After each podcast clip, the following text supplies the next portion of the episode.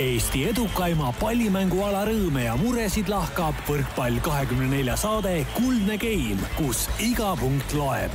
taustajõuna hoiab mängul hoogus ees Kredit kakskümmend neli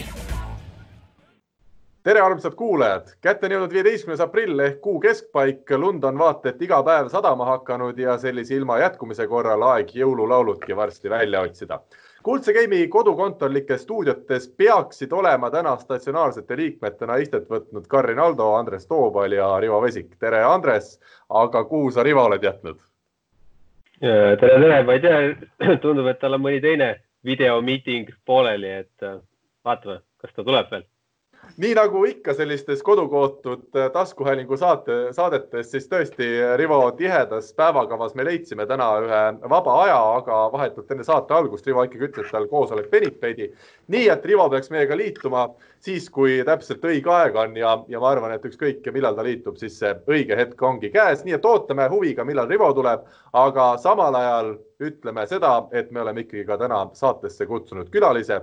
kui otsida Eesti võrkpallist meest, kes on kuri nii palliplatsil kui ka eraelus, siis temale on kuri kirjutatud lausa selja peale. tere tulemast, kauaaegne meistriliiga mees ja äsja Tallinna Ülikooli ridades esiliiga võitjaks roonitud Reimo Kuri. Tere, tere, et eks ega ma nüüd eraelus nii väga kuri ei ole, aga väljakul jah, annan endast parima ja siin on üks kohe, kui sa niimoodi alustad, siis mul tuleb ka üks lõbu, et lõbus lugu meelde, et kunagi siis kui Siim Põllujärvel oli Audentses, mina vist esimest aastat mängisin meistriliigas, aga noh, sel ajal ma olin kiilakas ja siis ma olin ka igal pool mujal kuri, et siis Siim ikkagi aeg-ajalt, kui me kokku saame, meenutab, kuidas ma lubasin ta väikesteks tükkideks lõigata, kui ta piiri peal lipuga minu arust nagu vale otsuse tegi mul tuleb sellega kohe meelde siis, kui te rannas mängisite, siis oli, baar oli Kuri Mõrd. Kuri Mõrd oli väga kuulus rannavalve baar üks aasta jah, et seda, seda ka ikka kuuleb nagu siiamaani veel tihti, aga nii oli jah. Reimo, ütle, palju sul elus on ikkagi seda ette tulnud, et seda kurinalja on tehtud? ei, no ega selles mõttes mina olen olnud, ma arvan, teisest klassist saati või kolmandast klassist saati on mind kuris kutsutud, et ega see väga nali ei ole, see nii ongi noh. Et kui nimi on sihuke, siis selline on ja ma ei tea, kas see on hea või halb, aga enamustele jääb meelde millegipärast noh. Andres, ole hea, ütle, mis ajast sina Reimot kui võrkpallurit mäletad? ohohoo, Äh, mina mäletan mingit sihukest äh, ikkagi väga noorteklassist, et äh, Treimo oli vanemate seas ja, ja olid siis VK tähe all olid või? Ma olen Brassel, ega meil väga palju seda vanusvahet olla ei saa, noh, aasta võib-olla või kaks, mitte rohkem, noh. jah, et, et noh, seal oli jah, et, et ma olin, ma olen kaheksa, kaheksa, mis aastal sündinud oled? kaheksakümmend kuus. et siis ongi kaks aastat, siis ma mäletan täpselt need Urmas Piigi ja, ja Vantsi Virkod või Vantsi Marko olid meie nii-öelda võistkonna staarid see aeg, et ma sain ka siis seal pingi otsa peal olla või, või platsi peal ütleme tühja kohta täita, et siis ma mäletan ja et, et et kuidagi Tallinnas me tegelikult mängisime päris palju omavahel, et et seal Lilleküla selles väikses saalis sai päris, päris palju seal äh, oldud ja, ja, ja sealt ajast tegelikult on juba, juba Reimo tegelikult nä, nägu juba ja, ja tuttav. Reimo, Äh, me hakkame sinu karjäärist siin kohe-kohe rääkima juba pikemalt ja põhjalikumalt, nii nagu ühe tõelise sellise staažika mängija puhul tegema peabki. aga enne veel, siin käis juba jutust läbi, sa oled kaheksakümne kuuenda aasta poiss ja sa saad täpselt nädala aja pärast kolmekümne nelja aastaseks. räägi, kuidas selline elumees ikkagi tänases koroona situatsioonis sellist tähtsat sünnipäeva nagu kolmkümmend neli plaanib tähistada?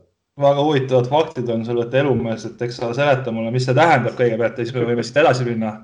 elumees tähendab, et kogu elu mänginud võrkpalli ahah, ma tean ühte teist definitsiooni sellele, aga ei no mis teda ikka, ega minu elus suurt midagi muutunud ei ole, et mina vaikselt toimetan ja niisuguseid ühistrenne teha ei saa, aga siis Telju poistega panime nagu omavahel võistluse käima, et kes saab aprillikuus kõige rohkem kilomeetreid, kas joostes või käies ja esiots on ikka tihe ja tuleb öelda, et ega seal mõnel mehel katusel kõik korras ei ole, aga sa ikka iga päev teed seitseteist kuni kakskümmend kilomeetrit, siis midagi on nagu pahasti, noh. kuidas teil seis on? pool kuud see... on läbitud, palju siis kilomeetreid kõige rohkem meestel on ja kes need tipus on siis? Ivar Laes juhib hetkel kahesaja kaheksakümnega plussi, noh. siis Aha. Äh, Steinberg ja Kuri on seal kahesaja neljakümne peal ja siis tulevad riburada pidi teised järgi, noh et sina ütled, et Laesil ei ole kõik seal lae all korras, aga. ei ole, ta on ju, ta on ju ka IT-mees, et ega tal ei saagi kõik nagu liiga hästi olla, noh no see on vaata nii, et kes seal väljakul võrkpalliplatsil kõige nii-öelda domineerivamad ei ole, need üritavad siis igal pool mujal võib-olla saada oma nii-öelda kilomeetrid kätte.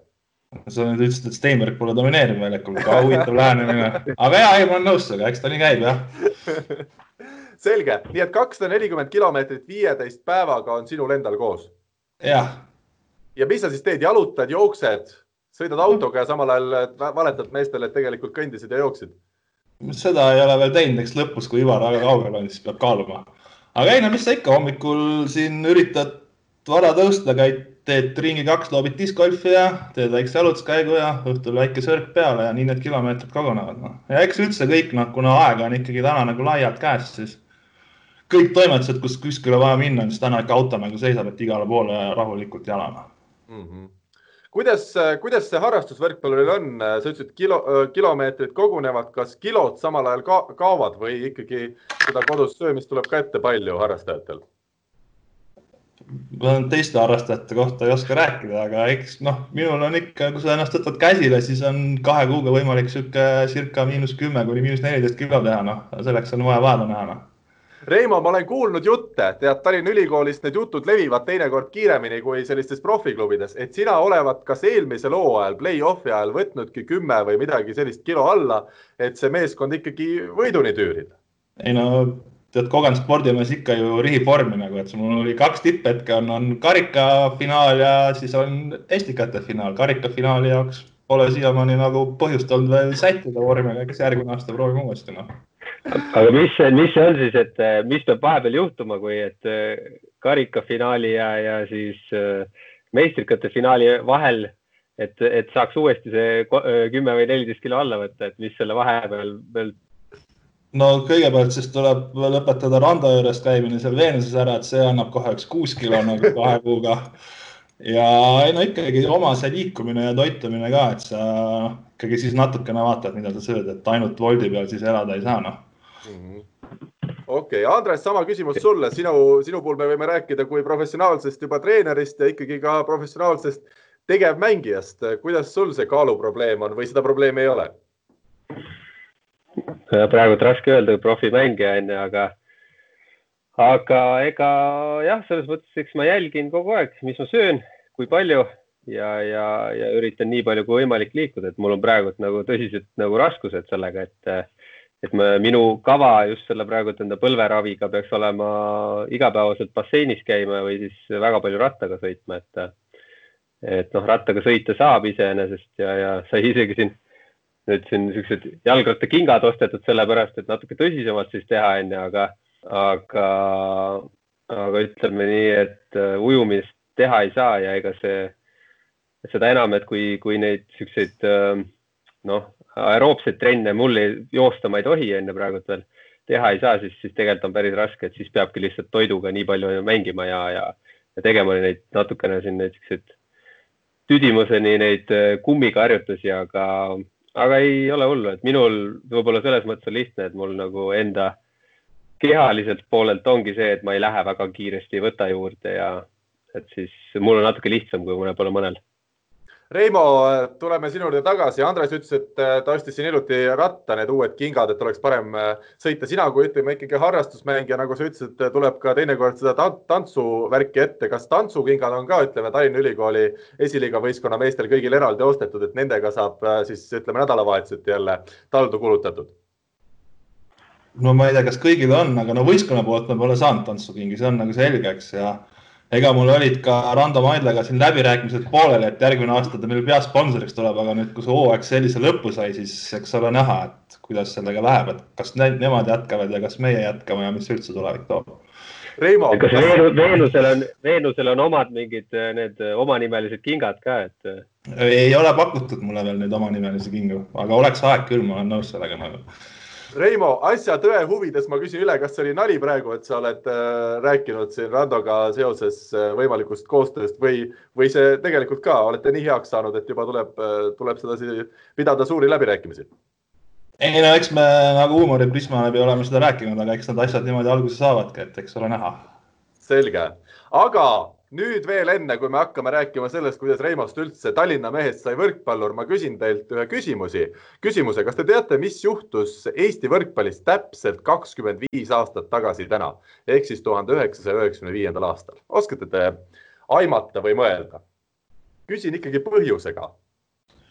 no selge on see, et mina Eesti meistriks ei tulnud, et selle võime vist välistada, aga ega midagi nagu pakkuda niimoodi hetkel kohe ei oska noh üheksakümne viies aasta. Andres, sult ka vist kohe ei tule, ma annan ühe vihje teile. rahuhall, kas nüüd tuleb vastus?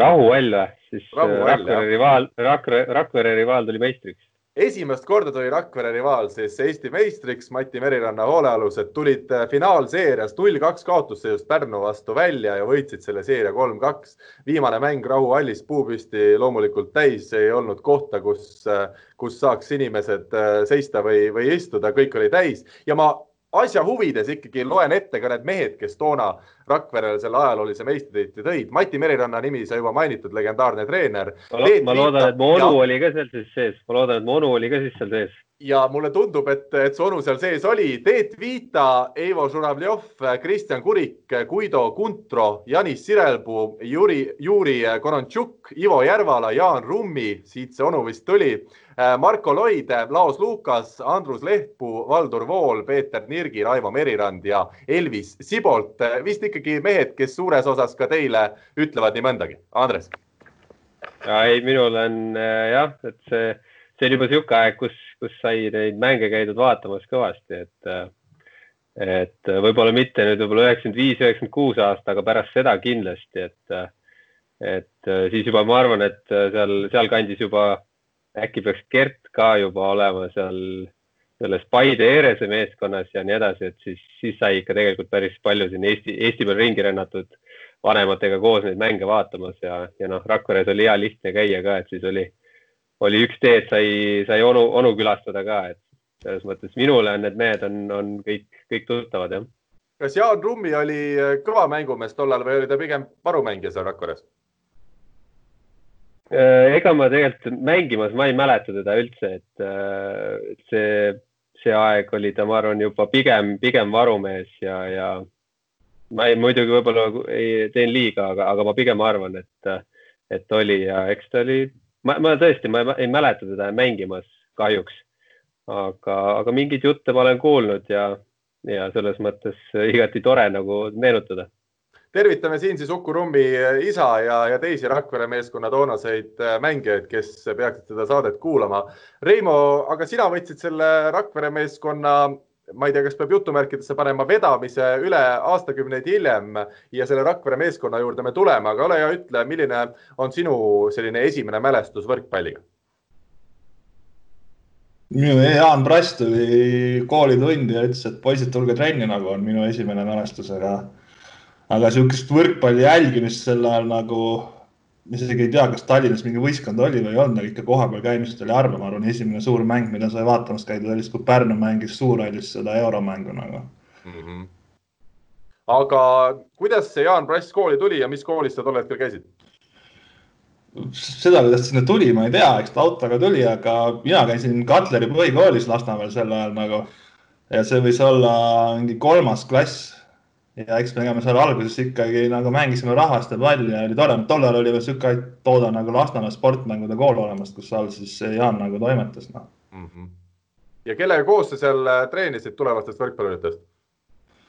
no meistriliigasse vist jõudis sealt äh, Lennart Puhk ainsana, kes oli ka nagu samast koolist pärit, et ega sealt rohkem midagi alles ei jäänud, noh mm -hmm.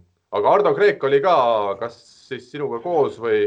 Kreek oli seal teispool Lasnamäe kanalit kuskil ma täpselt seda, kust tema alguses sai teada, meil oli kaks trenni oli siis seal oma koolis ja üks trenn korra, korra nädalas oli siis vanas väikses Kalevis, mis nüüd tänaseks päevaks on maha lammutatud, see spordisaal, mis kosmose taga oli, et seal oli nagu päris naljakas, et kui täna mõtled, et sul ikkagi nagu mingi nelikümmend, viiskümmend last on selles väikses saalis, siis ma täpselt aru ei saa, kuidas see sai toimima, aga kuidagi see toimis, noh. mida sa Jaan Prassist mäletad oh,? ütleme aastatega on leebemaks läinud aga eks ta ikkagi karmi käega oli, aga ega seda oligi vaja, ega teistmoodi ei, ei oleks nagu kord säilinud, noh. mm. -hmm. Okay. tagantjärgi sa mõistad neid asju paremini, sel hetkel ikka tundus, et kuule, vanamees, et miks sa karjud meie peale kogu aeg, et me ju tegelikult tahame ka mängida, noh. aga seda ikka sai kuulda jah, et kurat, kui sa ei taha seal väljakul olla, siis tule sealt ära ja ega nii see käis ka, noh mm -hmm.. kaua sa mängisid tema käe all? terve noorteaja ikkagi, ma kolmandast klassist kuni lõpuni välja, noh. nii et elukooli sa said sealt juba paljuski kätte, oo oh, ja, ja paljusti, aga ei no eks ikkagi Jaan on nagu tubli ja ega on mind ka palju elus aidanud, et ma arvan, et kui poleks teda olnud, ei oleks ma täna see, kes ma ka olen, aga noh, et mingid hetked ikkagi, kui mina olin noor ja loll ja ennast lasin Audentsest välja võtta, siis ikkagi Jaan oli see mees, kes tuli nagu appi see hetk ja võttis enda kooli vastu ja ma sain oma kooliteed ikkagi nagu jätkata, noh räägime sellest, sa ütlesid Audentesest siin visati välja, täna juba palju aastaid hiljem sa ilmselt oled nõus rääkima, mis seal siis toona sulle saatuslikuks sai? ei no tuligi välja, et ühikas ei võinud nagu viina juua, noh. täitsa uskumatu üllatus oli see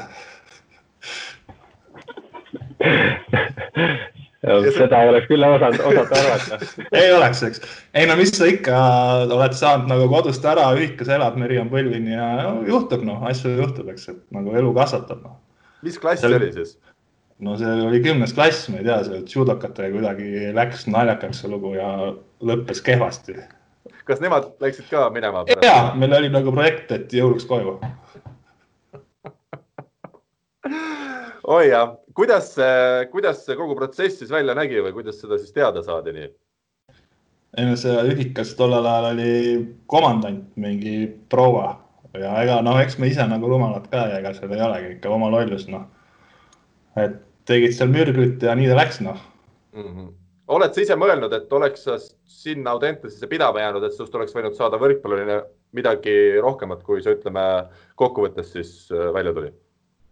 No eks seda kunagi ei tea, nagu noh, trenne oleks saanud mingil määral rohkem teha kindlasti et kui selle koha pealt läheneda, siis oleks see nagu parem olnud, aga kunagi ei tea, võib-olla oleks üle pannud, eks noh, selles mõttes, et ega seda pole mõtet heietada, noh.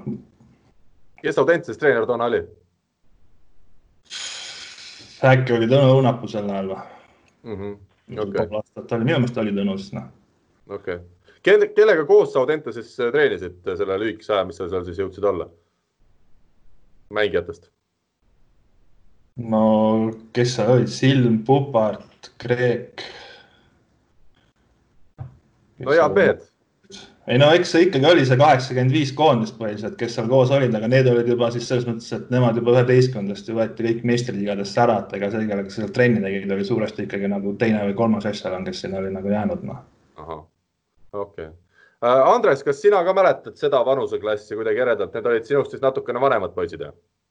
Ja ikka selles mõttes, et ega kui minagi tegelikult äh, no üheteistkümnendas klassis äh, läksin, läksin äh, siis Pärnu võrkpalliklubi alla, siis ju tegelikult seal Silm ja, ja, ja seal Esna ja, ja kogu see, ütleme siis see aeg veel rohkem, noh, Jürimaa ja, ja et nad olid ju tegelikult hästi hoidsid kokku ja, ja veel neil äkki siis veel isegi mingeid koondise asju toim-, ma ei tea ka, kas toimus otseselt, aga, aga selles mõttes hästi palju on, on selle vanusegrupiga koos oldud küll, et noh, hiljemgi, et et küll natuke noorem, aga Rosenblatt juba hakkas nagu nendega koos seal noh, koondise poole pealt just, et äh, ei, need kõik on tuttavad mehed, nii et äh,, et see oli, oli üks sihuke hea, hea aastakäik seal või aastakäigud, et, äh, et sealt tuli päris palju häid mehi mm. -hmm. kuidas siis, äh, Reimo, sa alguses olid, said ikkagi temporündaja sünnist saati või oled sa proovinud teisi ameteid ka? No sel ajal hakati seda juurutama, ma ikka mäletan, mina olen ka mänginud veel siis, kui mängiti viieteist punktile nagu mingi päris, päris nagu lapsena noh. aga ei, ikkagi noorteklassis seal pigem vist nagu mingi hetk ikkagi nurga peale temposse liigutati nagu hiljem mm -hmm. kas see vastab sinu puhul tõel äh,, oled sa sellega nõus, et temposse ikkagi mehi surutakse, et sinna vabatahtlikult ei lähe keegi või? ei no sinna pannakse need, kes ei oska servi vastu võtta, no ega seal nii ongi noh midagi teha ei ole kusjuures Reimo, ma olen oma äh, tagasihoidlikus Rahvaliiga karjääris kogu aeg vaadanud iga aasta, et millal saabub see hetk, et nad ütlevad, kuule, et seda servi vastuvõttu sul vist ei ole ja ei tule ka, et saab ikkagi mine temposse ära. no kui nad sulle seda öelnud ei ole, ju siis on servi vastuvõtt olemas, noh. aga ei no ja ikkagi see läks ikkagi, ma arvan, eh, siis kui ikkagi Silvesteri mindi, siis nagu pandi temposse, noh mm -hmm. kuidas nüüd sina sinna Silvesteri jõudsid, sa olid siis äh, väga noor mees ma esimese aasta mängisin seal nii-öelda esiliiga pundis neil, siis kui Jaano Aidla selle esiliiga pundi nagu toimetas sinna.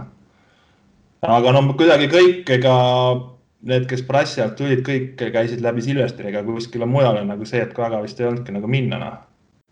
et Silvester oli see, kuhu nad läksid ja Ardo oli see, kes sealt lendas kaugele ja teised seal vaikselt tiksusid, noh, kes nii kaua kui kaua, noh aga me enne saadet rääkisime, et äh, kas sina ikkagi jõudsid Silvestri põhimeeskonda siis, kui sealt juba Gert Toobel ja teised olid jõudnud ära minna või? E, jah, ikkagi see oli see aasta, kui noh, kohe järgmine aasta, kui nemad lahkusid, noh. okei okay., kes sul tol hetkel siis olid seal äh, siis, kui sina läksid?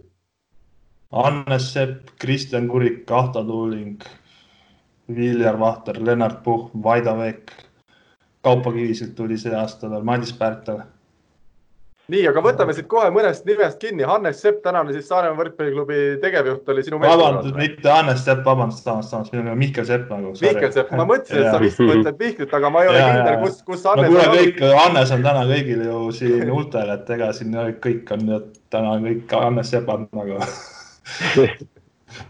Mihkel, Mihkel jah. aga esiliigast ütlesid Jauno Haidla nime, kes on siis täna jõudnud, ütleme kaudselt või otseselt, ma ei oskagi öelda, kuidas seda peab nimetama, Eesti võrkpalli suurtoetajate sekka. millise mehena sina Jaanot mäletad?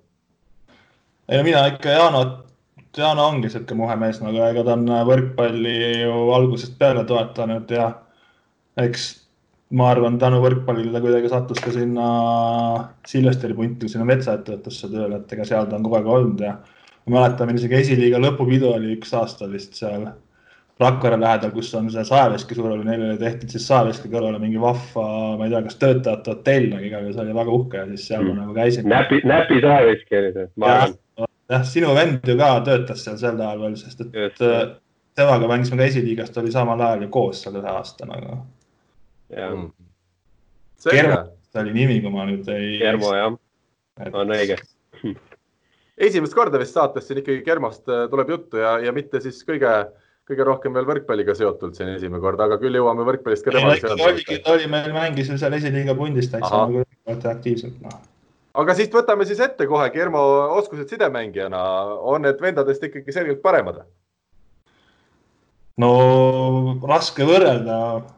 Ats pole mulle tõstnud vist, aga Gert on ikkagi mõned korrad nagu olen saanud, kui ta käis mingi aeg vist oli siis käis trennides millegipärast, et tal vist oli mingi vahehetk kuskil, käis hooaja ettevalmistust tegemas laevanduse juures seal, et see ikkagi oli nagu meeldiv jah. just see, et kuidas sa juhendad ja teine niisugune mees oli muidugi Kuldar Vändilan, kes äh, ikkagi noh, tema ütleb sulle, et sina tuleb jälle nii nagu sa tulid, et mina muudan või et mida teha, et noh, niisugused asjad olid noormängijana ikkagi väga kasulikud no.. aga Kermost sa ei taha väga rääkida, et see, need mälestused nagu on kuidagi kadunud? no see on nagu, ütleme niimoodi, et see oli nagu nii ammu, et jah, need on nagu ähmased aga Männiland sa ka mainisid, minul on ikkagi noorpõlvest meeles, et Kuldar Männiland isegi kui vastuvõtt oli seal kümne, üheteist meetri peal, et pidi päästma minema, ikka ta lasi kuskile õla alla sinna temposse keskele. ei, väga keskelt väga mõnus temaga nagu mängida jah, seal ei ole võimalik nagu eitada seda. selge. Silvester, edasi tuli siis sinu puhul TTÜ või? Nojah, see Silvester seal muutis oma nime, tal üks aasta oli veel mingi Agar Pakar Cargo Hunters oli maailma kõige pikem nimi, mis üldse võistkonnal kunagi olnud on, aga siis ta jah, kuidagi seal, eks see oli see, see majanduslanguse aeg ka ja siis tast sai kuidagi TTÜ jah. ja mis sul? Silvesteri baasil see TTÜ tehti nagu mm. -hmm. ei no TTÜ oli ka tore koht ju, sai koolis käia ja selles mõttes, et seal TTÜ puhul on, oli nagu tore see, et seal tekkis kuidagi sihuke hästi nagu tugev ühtsus just selle korvpalli ja tantsutrükute ja selle poolega, et et noh, ütleme ikkagi, et neid korvpalli lõpupidusid, kus mina oleks puudunud, ei olnud nagu.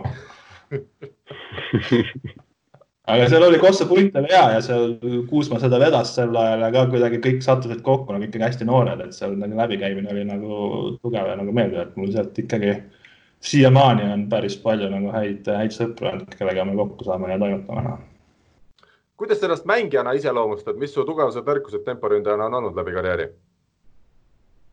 oh ei no eks ma ikka olen sihuke alla keskmise taseme mängija olnud alati, aga no mul mingid hetked nagu trenni teha nagu sobis, eks.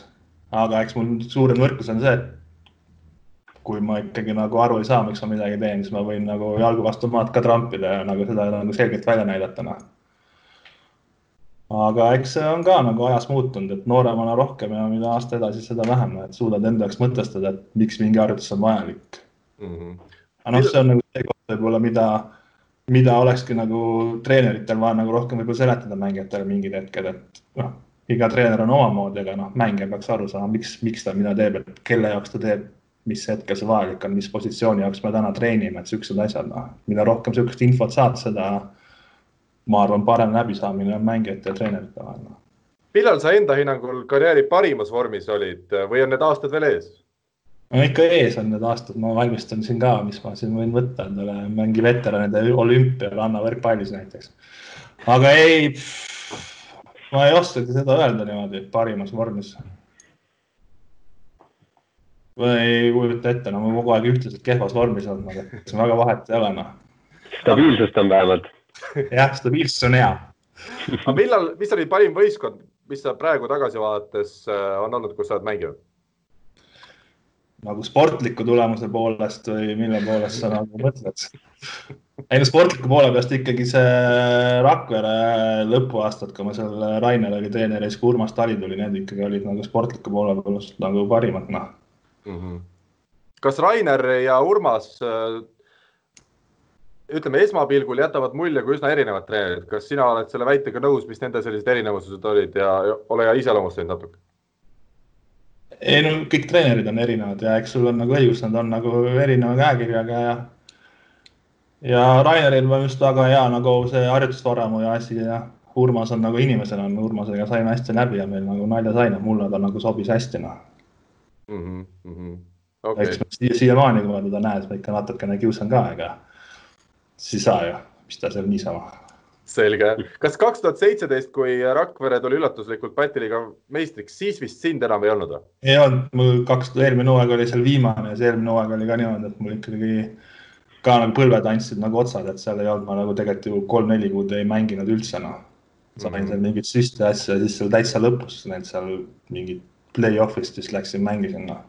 aga minu roll on olnud nagu ka pigem võistkonnas ikka see, et nagu hoida tuhhi üleval, et oleks nagu väljakul käiks elu ja asi, et punkte, punkte pidid nagu teised mehed tegema.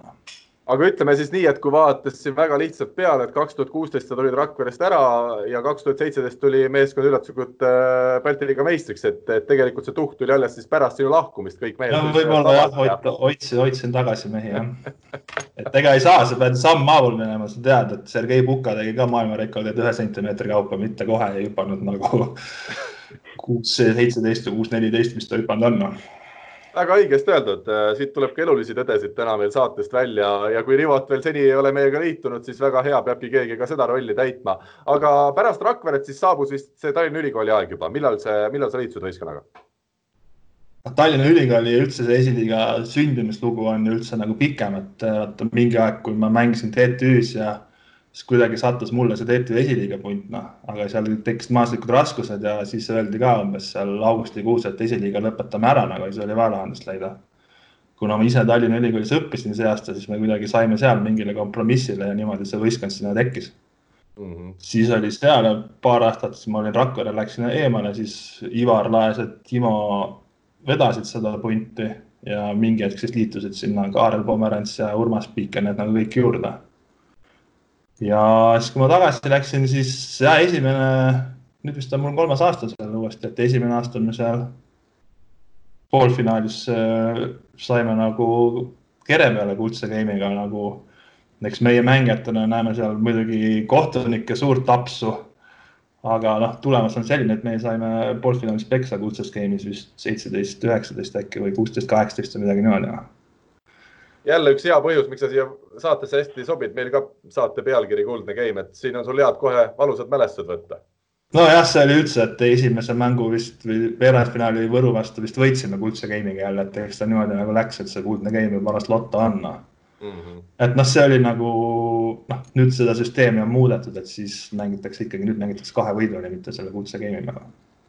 sa mainisid, et sa oled ikkagi treeneritööd ka teinud ja, ei, ma olin ka mingit TTÜ-des, kui ma mängisin, siis ma olin ka klassi juures noortetreener mingi kolm aastat äkki või neli aastat või mm -hmm.. okei okay., aga siit tuleb ka minu järgmine küsimus. sina seda kindlasti ei mäleta, aga sa oled ka mind treeninud võrkpallis. oskad sa aimata, kus ja kuidas? ei oska. Äh, Silvester, mis toona, kui sina seal mängisid, oli väga kõva võistkond. siin nüüd ütleme kümmekond aastat hiljem oli, oli Rahvaliiga punt. Vist, ma ei tea, kas nad siiamaani mängivad ja. ja aga..., ja ma, kui sa niimoodi ütled, siis küll jah, ei no see on üks vahva kunst seal, noh, ma olen seal käinud ka vahelduva eduga, et kui mul on nagu aega olnud, siis ma olen käinud neid nagu treenimas. Ja täna on seal ju need vahvad teatritegelased kõik koos ja see elu ja see, neid juhendada on nagu mõnus jah ma ütlen ausalt, mina ei mäleta, miks ma sinna trenni pidama jäänud, see oli mu esimene rahvaliiga kogemus, niisugune tõsine treening, igatahes ma mäletan, et sina sinna tulid ükskord ja järgmine kord vist mind enam ei olnud, ma tõesti ei mäleta, ma, see kindlasti ei olnud sinuga seotud. eks sa olid algpoissi teinud, siis said sõimata seal, ega see niimoodi käib, noh, kui harjutusi korralikult ei tee, siis tuleb kõvertsi teha teine äärest, noh aga tegelikult oli vist see. aga kui sa juba sinna jõudsid, ma sulle räägin siin vahele, et ma mäletan Rakveres seal vanas kirikus olid kunagi võistlused ja siis ega see Narva noortetreener ei olnud ka nagu papist poiss nagu ja siis võttis time out'i, pani poisid kätte kõverdust tegema, samal ajal loopis pallidega neid ja karjus nende peale, aga noh eks meil oli samamoodi, ühesõnaga ma mäletan, ma seal käisin proovimas nii äh, Silvesteris kui ka retrovõistkonnas, kus siis Raul Reiter oli ja, ja retrosse ma jäin pidama ja olen, olen väga õnnelik selle valiku üle, kuigi kindlasti Reimo, ka sinu käe all oleks olnud tore kätekõverdusi teha, aga ma saan, ma käin jõusaalis eraldi, mul ei olnud seal võrkpallis vaja neid kätekõverdusi nii palju teha. Sa oleks võinud öelda, sa oleks võinud öelda, ta ei oleks võib-olla, siis oleks saanud palli ikka mängida Nonii, Andres, äh, tuleme selle Tallinna Ülikooli meeskonna juurde. palju sa nüüd kõrvalt oled jõudnud jälgida seda Tallinna Ülikooli, ütleme, tegevust ja kas sa usud, vaadates seda, mis mehed seal tänasel päeval mängivad, äh, et see võistkond võiks ka meistriliigas edukalt, ütleme mitte edukalt, aga, aga konkurentsivõimeline olla? ei, selles mõttes, ega ühes saates vist mainisin ka, tegelikult ju selle hooaja alguses me Selveriga ju mängisime, mängisime täitsa ju treeningmängu enne hooaega ja ega selles mõttes ju, kui sa nimesid vaatad, siis kõikidel on ju meistriliiga taust olemas, et noh, selles mõttes, et kuna mehed teevad muidugi loomulikult trenni nagu, nagu harvem ja, ja, ja noh, selles mõttes, et äh, mänge on harvem ja, ja siis, siis ma, ma näengi seda, et nad, miks nad nii head juba ongi see, et nad tunnevad sellest rõõmu, et, et kui ma arvan, selline meeskond panna nüüd meistriliigasse mängima sama mingi treenituse pealt siis nad lihtsalt tüdineksid ära ja see asi läheks nagu, tõenäoliselt ei tuleks võib-olla mängu mm. -hmm. et äh, ma arvan, et see praegult just ongi see, et nad on leidnud täpselt niisuguse optimaalse, optimaalse niisuguse treenituse, kus nad ise tunnevad veel hästi ja see nagu ei hakka neid painama või suruma, et äh, see on, see on minu arvamus, aga noh, selge on see, et ega, ega seal on mehi, mehi, kes, kes saaksid väga hästi hakkama meistriliigas ei no hooaega ei kestaks, see on nagu selge selles mõttes noh ja eks ega meid ju ka eelmine aasta nagu üritati kutsuda, aga ma tean küll, et need võrkpallijuhid siin vaidlevad vastu, aga ikkagi need Läti otsad, äh, olgu nad kui pikad või lühikesed tahes, ikkagi nagu hirmutavad ja see peredest eemal olemine. ja eks see mängugraafik ka, et ega mina nagu siiamaani ei saa aru, miks mingi hetk nagu lõpetati see ära, et kui mängiti neljapäeval, mis mulle tundus väga mõistlik nagu ka meistriliiga mäng, et üks voor oligi, et Eesti on ju nagu nii väike riik, et siin see kakssada, kolmsada kilomeetrit sõita ei ole nagu mingi piir, mingi nagu vahemaa. pluss on ka see, et ega nädalavahetusel sa konkureerid nagu palju rohkemate asjadega, olgu see siis suvilasse minek, olgu teised spordid või ükskõik mis nagu. et nädala sisse tuua üks nagu mängude ring mulle tunduks väga mõistlik ja ja sama kehtib ka esiliiga kohta, et ega seal on ka kõik ikkagi pandud nagu nädalavahetustele, mis noh, õnneks on enamus punte Harjumaal või Tallinna ümber, et see ei ole nagu nii hull, aga ikkagi nagu nädala sees mingid mängud teha, mis annaks nagu pereinimestele vabad nädalavahetused, oleks ikkagi nagu väga suur pluss, noh. -hmm.. okei kui ma ütlen siin mõned nimed, Tanel Uusküla, Urmas Piik, Sander Steinberg, Karel Ellermaa, Siim Päid, Karl Maidla, Rein Tiisar, Virko Vatsi, nagu Andres ütles, just kogu võistkond on teil ju ka meistriliigast läbi käinud. ütle, mis selle võistkonna fenomen on, et kuidas, kuidas te nii palju meistriliiga mehi olete kokku saanud? No eks üks pool on, on sõprusringkonnad, et need Türi, Paide, Väätsa poisid on üks punt ja siis teised tulevad sinna juurde, et kuidagi, kes on koos randa mänginud või kuidagi niimoodi on see tekkinud ja saarlased on seal puldis kogu aeg olnud. ja eks need nii tulevadki noh ja lõpptulemus ikkagi, kui sul on valida, kas sa lähed võitvasse meeskonda või sa lähed maksimaalselt hõbeda peale mängima, siis sa tahad ikka tulla võitvasse meeskonda siit tuleb minu järgmine küsimus. Te olete esiliigas võitnud viiskümmend mängu järjest, viimati te kaotasite ühe mängu esiliigas täpselt kaks aastat tagasi. Äh, ütle, mis teid motiveerib, kui te juba hooaja alguses või enne hooaja algust teate, et niikuinii me võidame kulla jälle? no niikuinii ei tea, aga eks ikka täna nagu naljana motiveeribki see, et meil on nagu pandud sihuke üldine eesmärk, et sada võitu on vaja täis saada ja siis võib tossud varna riputada nagu. Aga ega see ei ole ju esimene kord, kui üks võistkond niimoodi domineerib, et ega aastaid tagasi, kui see Silvesteri vana tuumik lõpetas ja nad kiilivõistkonna tegid, siis nemad ju domineerisid ka seal kolm-neli aastat niimoodi, et keegi neile vastu ei saanud ja ja eks see niimoodi käibki, et kui sul mingi vanusegrupp, sõprusringkond, kes on ühte kohta sattunud elama ja on nõus koos esiliigat mängima, siis nad äh, ongi seal pikalt-pikalt nagu eesotsas, noh. Et ega meil on ka, ega meil ju keskmine vanus täna on ikkagi nagu noh, ma ei tea, kas ta esiliiga jaoks on kõrge, aga meil noori mehi on ju kaks-kolm tükki ainult võistkonnas, noh, päris noori no.. ühte noort meest juurde ei oleks vaja uueks hooajaks? oled sa peeglisse vaadanud või? kas vanuse mõttes või mänguoskuste mõttes? no ikka vanuse, vanuse nagu. Pigem ma arvan, et see mänguoskuste asi jääb siin. Äh, ei, mänguoskused, meil on, meil on nagu sihuke poliitika, et hea mees, kes käib kohal, tahab teha ja on võistkonna hing, siis, siis siukseid mehi on ka vaja nagu no siis vaatame, rahasummadest mul üldiselt sõltub see, et äh, vaatame, mis te pakkuda suudate ja siis räägime suvel edasi mm. -hmm. aga, aga räägime tõsisematest teemadest. Urmas Piigiga sai siin tehtud äh, pikem intervjuu võrkpalli kakskümmend nelja just selle esiliigas mängimise fenomeni kohta. tema ütles, et tema naudib võrkpallimängu täna rohkem kui kunagi varem. kas sina võid öelda enda kohta sama või? noh, eks see on niimoodi, nagu ta on, et ega mina olen võrkpallimängu nautinud nagu kogu aeg, et ega see meistriliigas mängimine on jälle teistmoodi, et ikkagi publiku ees mängida on nagu, nagu tore noh, et selles mõttes see Järvamaa aeg oli ka nagu noh, seal oli palju publikut ja seal oli nagu kihvt mängida see aeg. aga noh, esiliigas loomulikult noh, see on ikkagi nagu noh, tore, sa lähed sealt kokku ja eks ega, mis annab nagu head emotsiooni, on ka see, et sa võidad noh. et võitmine on ju see, mille pärast sa seda teed ja sul on nagu noh, sa saad sealt mingi emotsiooni, et kui sa kogu aeg kaotaks, siis äh, vaevalt ka Urmasel seda enam nii tore enam oleks no. selge äh,. räägime peatreenerist Argo Arakust ka, sina oled siis tema kõrval abitreener, kuidas üldse selline, selline roll äh, sulle enda, kuidas sa suhtud sellesse ja palju sa siis seal abitreenerina pead meeskonda aitama veel? No Aarga õnneks on kohal kogu aeg ja pigem nagu vähe, et eks see sihuke formaalsus on, aga ei noh, see valimised olid selles mõttes olid naljakad, ma ei tea, kas ma võin seda rääkida. Või kuidas abitreenerit valiti, aga. kindlasti võid, Reimo, mina luban. ah, no see oli siis, see toimus Veenuses. See oli eelmise aasta lõpupidu siis, kui või jõulupidu, see oli jõulupidu ja siis seal see valimine käis, no seal oli lihtsalt vaja üks nelikümmend otsa ette lasta poistele ja olid valimised tehtud, no sa tead küll, kuidas valimised käivad ikka pudeli viina eest, noh. selge, väga hea, aga, aga mängijana oled sa ikkagi temporündaja olnud siin läbi tänavuse hooaja ka? ja ma ikka neil surun, et tegelikult ma olen ka hea sidemees, aga millegipärast nad ei usu seda. Ma selle ühe, ühe game'i vist eelmine aasta sain proovida, aga me kaotasime selle game'i see oli jälle üks asi, mida ma olen kuulnud kõrvalt, et sul see sidemängija unistus on ja mina olen ka sinu vastu mänginud võrkpalli ülikooli tasemel, kas vist ülikooli nende erinevate teaduskondade vahel ja seal sa olidki sidemängija. ja ma võin öelda, et ega pole ime, et esiliigas selle ühe game'i siis kaotasite ei ole jah, aga lihtsalt kui sa oled äh, terve elu ühte positsiooni mänginud, siis on noh, huvitavam on teiste kohtade peal olla nagu noh.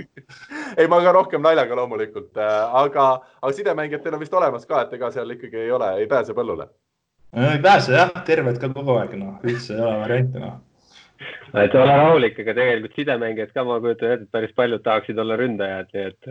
ei, aga Liber Ellermaa meil on ikkagi saanud ka mingid mängud nagu tempot mängida, et ega kui meil võimalust on nagu ja poistel tahtmist on, siis me anname proovida, noh. ma isegi nägin, ma arvan, et ma, ma arvan, et ma nägin seda mängu, see oli selle noortekoondise, Audentse noortekoondise vastu mängitud, sai väga hästi hakkama, et ei olnud mitte mingit probleemi, nii et. no hea mees saab igal pool hakkama, see on vist ka käib äh, võrkpallis äh, vanade tõde juurde. Argo Arak, milline treener ta on siis? hea treener Aksel on ju seda kogemust eh, nii palju, mis ta on oma karjääri jooksul ju ammutanud, ega me ühe aasta või kaks aastat, ühe aasta mängisime koos ka nagu, aga siis, kui mina olin täitsa noor ja tema oli tulnud täiesti tagasi oma karjääri lõpetama nagu Silvesteri.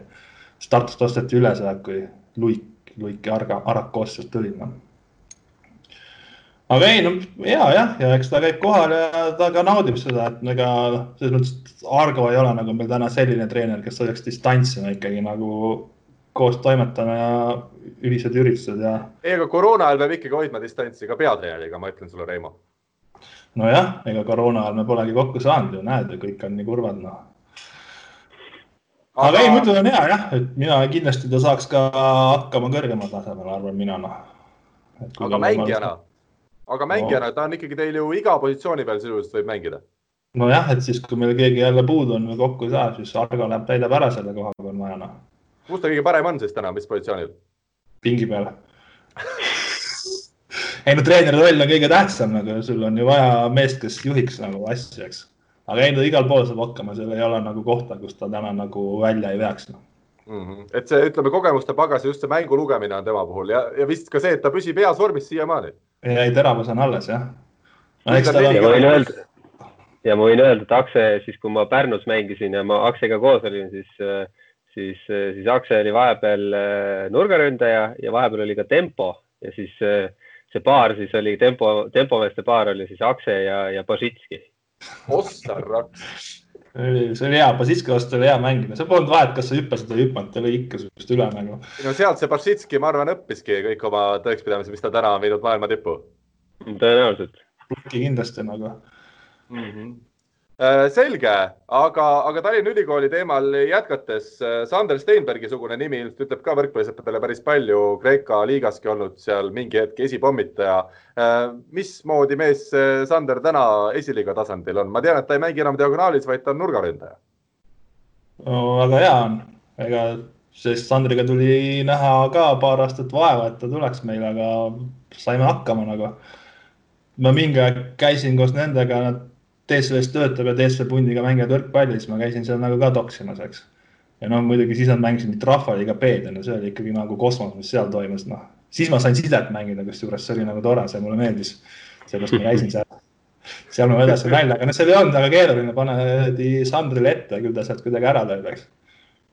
aga jah, see punt kuidagi vajus seal laiali ja noh, läksid liiva peale üle ja siis Sander oli nõus nagu tulema proovima, eks tal on ka pere ja meistriliigasse ju ka kutsuti korduvalt, aga ega noh, täna ei jõua konkureerida võistkonnad selle palgaga, mida sa saad tööturult, pluss ikkagi need vabad nädalavahetused ja pikad sõidud, et on nagu lihtsam toimetada mul tuleb jälle Steinbergi üks lugu meelde, mina ka too hetk siis oma esimese loo ajal mängisin seal Rahvaliiga B-s. liiga palju tuleb täna minust juttu, ma olen nõus, aga, aga kannatame selle viimase loo veel ära ja siis meil oligi Steinbergiga mäng. ja, ja ma mäletan, et me juba tundsime meestega rõõmu, kui Steinberg ründas ja me saime näppudest, et pall läks näppudest sinna punktiks, et kui me, kui ta lõi üle, noh, ta lõi palju ka pall lihtsalt üle meie ploki maha, aga siis, kui see näpud, siis oli juba, et hästi, et väga hea, et plokk oli korras. aga tulebki rõõmu tunda pisikestest asjadest, kui suur, suuri võite ei saavuta nagu just nii, just nii. kes seal võistkonnas siis veel on sellised äh, väga olulised lülid just mängulise poole pealt? ei no Ellermaa ikkagi on nagu noh, esiliiga jaoks täna ikkagi väga hea side, nagu isegi julgeks öelda, et esiliiga parim side, kes on nagu pool võistkonda selles suhtes, et kuigi ka Rauno ja järgmised mehed saavad hakkama, aga ikkagi Kareliga on nagu mäng noh, teise tempo ja teise kiirusega mm. -hmm ja nüüd, Reimann, ma panen sulle raskema küsimuse ette, kui me nüüd selle lõppenud hooaja võtame ette, kus teid ikkagi hoolimata koroonast äh, kuulutati esiliiga võitjaks. kes oli Tallinna Ülikooli parim mängija lõppenud hooajal? iseennast ei tohi nimetada. iseennast ei tohi nimetada, siis nüüd läks päris raskeks olukord, et teised kõik on suhteliselt ühel tasemel, aga ikkagi trepi astmed on allpool. ei no eks see ikka nagu Sander täna on, et see rünnakujõud, mis tema annab sinna on ikkagi noh, midagi muud, et teda on ikka pidurdada väga keeruline ja ja pluss, kui ta on väljakul, siis ta teeb ka ju teiste mängijate elu lihtsamaks, et ega sa teda nagu ühe mehe peale jätta ei saa ja siis kuskil mujal on igal juhul ühe ploki vastu, et noh, nii see elu, elu nagu on. ja trennis, ma saan aru, on teil veel eriti kõvad lahingud, et seal on see tase kõvem kui mängudel tihti ja, ja kuidagi seal mitte ka hasart. mitte tihti, vaid iga kord on tase kõvem kui mängudel.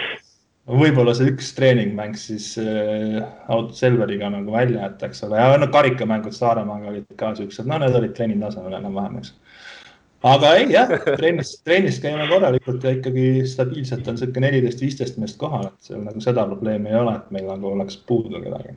Mm -hmm. aga mitu korda on äh, trennid nädalas? kaks korda teeme palli ja siis jõudu teeb igaüks oma südametunnistuse järgi või kes mida sinna kõrvale teeb no ütle ausalt, Reimo, kas sina käisid äh, see hooaeg esiliiga mängudel Saaremaal ja Võrus? Võrus käisin, Saaremaale Saaremaale pidin minema, viimane mäng, aga vaata kui hea, et maha jäin, muidu oleks ka võib-olla praegu haige voodis olnud, noh. sa jäid maha? ma magasin sisse, jah. aa, nojah, nädalavahetusel ju mängud, arusaadav, hommikul minek ei no Aksel pidi mu peale võtma, ta jättis maha, mina ei ole tegelikult väga süüdi, natukene, ta oli küll lasknud kella, aga ma polnud pilti ette võtnud, aga jah, Võrus käisin, Saaremaal ei käinud. Super, aga väga hea, me tõmbame selle saate esimese poolele otsa, otsa peale, siis. Teeme siit kiire-kiire pausi ja läheme edasi juba siis, kui saate teine osa meid ees ootab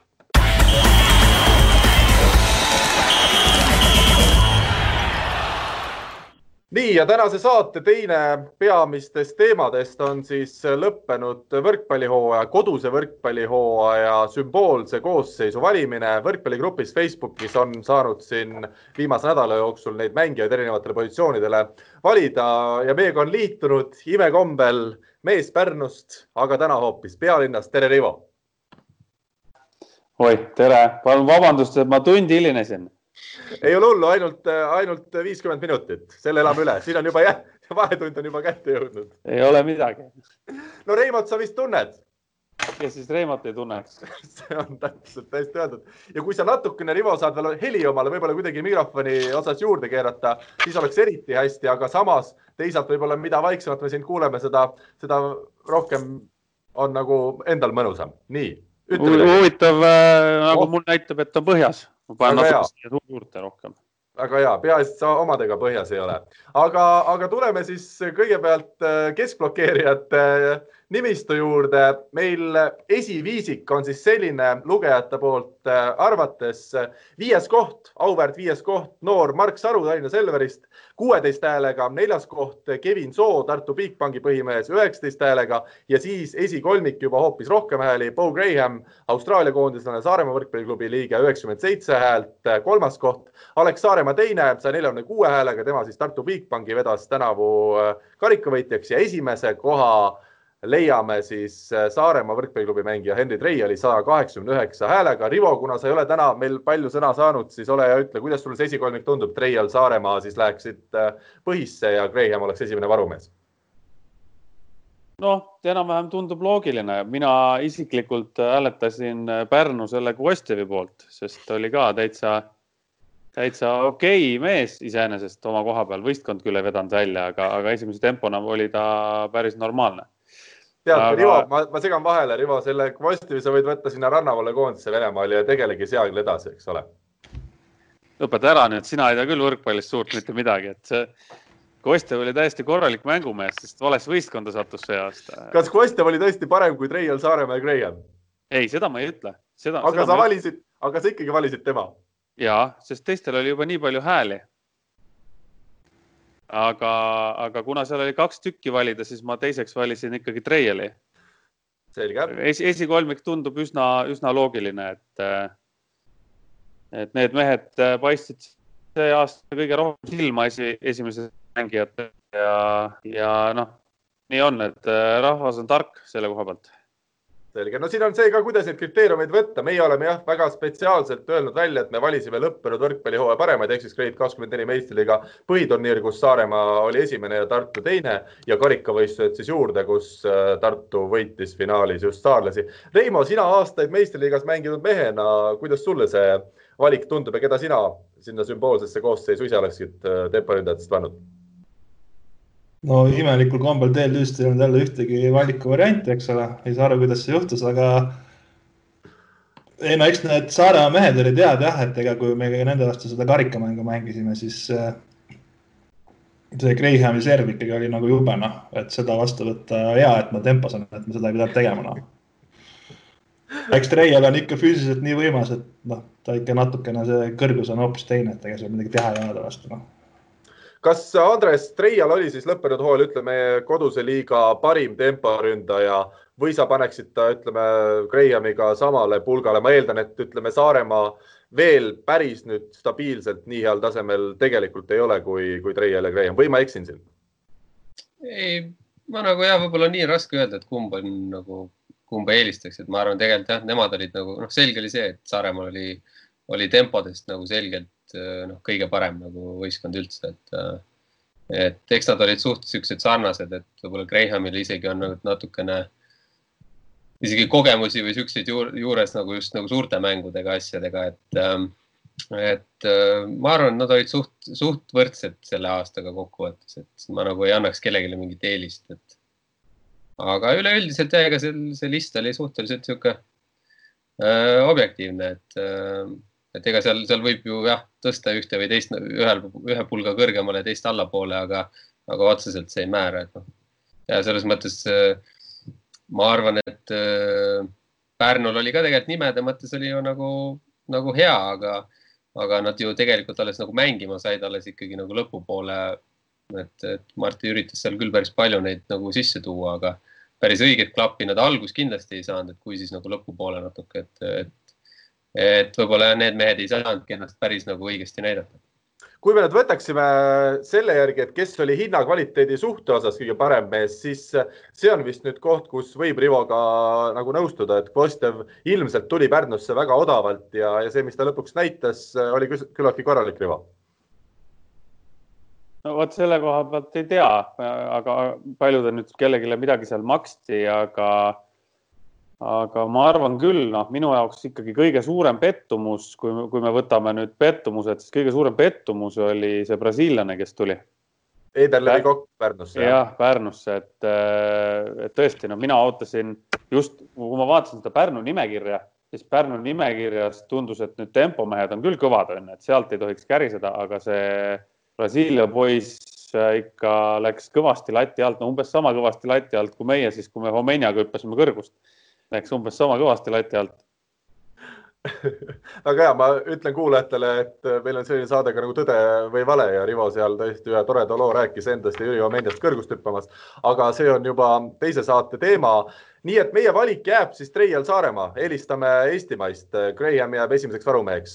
kõik noogutavad, ma eeldan, see tähendab, et me oleme nõus. Reimo vaatab kaugele taevasse, tema mõtleb, et võiks seal ise olla, aga, aga. mitte ei võiks, vaid peaks olema, aga okei okay,, las ta jääb see aasta noh selge, siis on meil olemas praegu võistkonnas üks Saaremaa mängija ja üks Tartu meeskonna mängija ja Alex Saaremaa siis tõesti eelkõige tänu sellele väga heale karikafinaalile selle koha äh, põhikoosseisus endale lunastas natukene avansina. Läheme edasi, võtame liberod siin teiseks äh, ja võtame siis viiendast kohast Eesti koondise värske debütant Sten Vahtras Tallinna Selverist neljateist häälega, tema siis viies. Rait Rikberg, kogenud Rait Rikberg, Eesti koondise pikaaegne põhimees, kakskümmend kaks häält ja neljas koht. Johan Vahter, Saaremaa võrkpalli võrkpalliklubi üks liberatest viiekümne üheksa häälega kolmas, teine Silver Maar Pärnu võrkpalliklubi ja seitsekümmend kaheksa häält ja Alari Saar, kes siis jäi ikkagi Eesti koondisest äh, väga napilt välja uuel või siis sel aastal võttis siin esikoha saja neljakümne kuue häälega. Rivo, sina kohe vana, vana intrigant, äh, kuidas, kuidas hindad seda valikut, mis äh, rahvas on teinud? ma ütleks korra eelmise teema kohta veel, et me peaks äkki tegema või Karl, sa peaks tegema oma lehekülje peal sellise TLÜ võistkonna valimised ka, et tea, kas kuri seal saaks nagu põhikoos koosseisus platsile või saaks. no viiskümmend, viiskümmend, eks. aga mul on see teise treeneri jõud nagu, et ma saan seda rakendada, kui nad mind ei pane.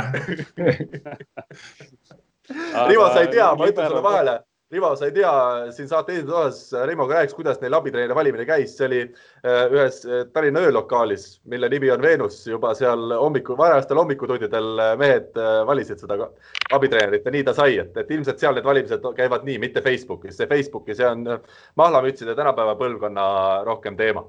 no siis ma, siis ma tean täpselt seda protsessi, et Reimo läks veel viimasena ära ja Aksel läks viimasena ei, me ikka koos läksime, kinni pandi küll, jah, tuled läksid põlema, selles suhtes on sul õigus nagu. aga liberod, äh, Rivo, ikkagi kõigepealt äh, sinu käest. Äh, siin publik on ikkagi valinud saja neljakümne kuue häälega Alari Saare põhikoosseisu. kas tänavuse hooaja põhjal sa oled nõus selle valikuga? ütle, palju Silver Maaril oli? seitsekümmend kaheksa arvestades, et Pärnu meeskonna fännid vist väga aktiivsed siin küsitluses ei olnud, siis tundub, et see on küllaltki korralik punktisaak nojah, tundub, et äh, Saaremaa, Saaremaal on kõvasti hääletatud, et äh, selle, sellega mina täna nõus ei ole, et Silver Maar on ikkagi, ikkagi minu arust kõige parem libero, kes meil täna Eestis mängib, et äh, sellel klubi hooajal mängis ta ka üle Rait Rikbergi, et, et ma ei, ei näe täna Silver Maarile Eestis vastast küll aga mul tuleb meelde Rait Rikbergi osas see karikafinaal, kus ta just seal otsustavatel hetkedel väga hästi mängis, aga hooaja põhjal kokkuvõttes ma ütlen ausalt, ma ei näinud võib-olla Pärnu mänge nii palju, et hinnata, aga üleüldiselt mulle tundub äh, küll, et, et Silver Maar siin põhis võiks olla. Andres, kelle sina paneksid sümboolses valikus liberona põhikoosseisu? jah, ei, selles mõttes ma arvan, Maar, et noh, kuigi ka ma ei ütle, et, et Maar ka mingit müstilist hooaega tegi, onju, aga, aga noh, see liberate praegu positsioon või noh, ütleme positsioon on niisugune suhteliselt kõikuv, et see tase on nagu ühtlasena, aga, aga ta ikkagi seal selle ühtluse sees kõigub päris palju, et, et eks Rait on jah, on, on juba omad tegemised on ju ja, ja, ja, ja no ma arvan, et, et eks, eks see Silver oleks nagu kõige, kõige loogilisem, loogilisem valik, et peale seda võib-olla jah, siis, siis ma isegi võib-olla võtaks äh, äh, Johan Vahtri, et, et ma arvan, et ta on, ta on, ta on võimeline tegelikult päris hästi mängima, et võib-olla tal on natukene vaja võib-olla niisugust äh, mentaalset poolt äh, natukene või niisugust julgustavat poolt juurde saada, et siis ma arvan, et tast võiks päris, päris hästi tulu olla no Reimo, kui sina alustasid oma tagasihoidlikku võrkpallikarjääri, siis ega seda libero positsiooni ei olnudki, aga nüüd ta on tulnud, ma ei tea, kas sa oled kursis siin viimase kahekümne aasta uudistega. keda sina oleksid libero positsioonil pannud põhikoosseisu? mina olen ikkagi Rivoga nõus, nagu Maar täna on ikka kõvasti üle teistest, aga kui sa üldse võtad, siis ma Andreselt küsiks, et kuidas sulle noor Aidla tundub, et minu arust need mängud, mis ma käisin vaatamas, siis tema vanuse juures, tema sai nagu väga hästi hakkama ka seal libero kohal, need mängud, mis ma juhtusin vaatama nagu.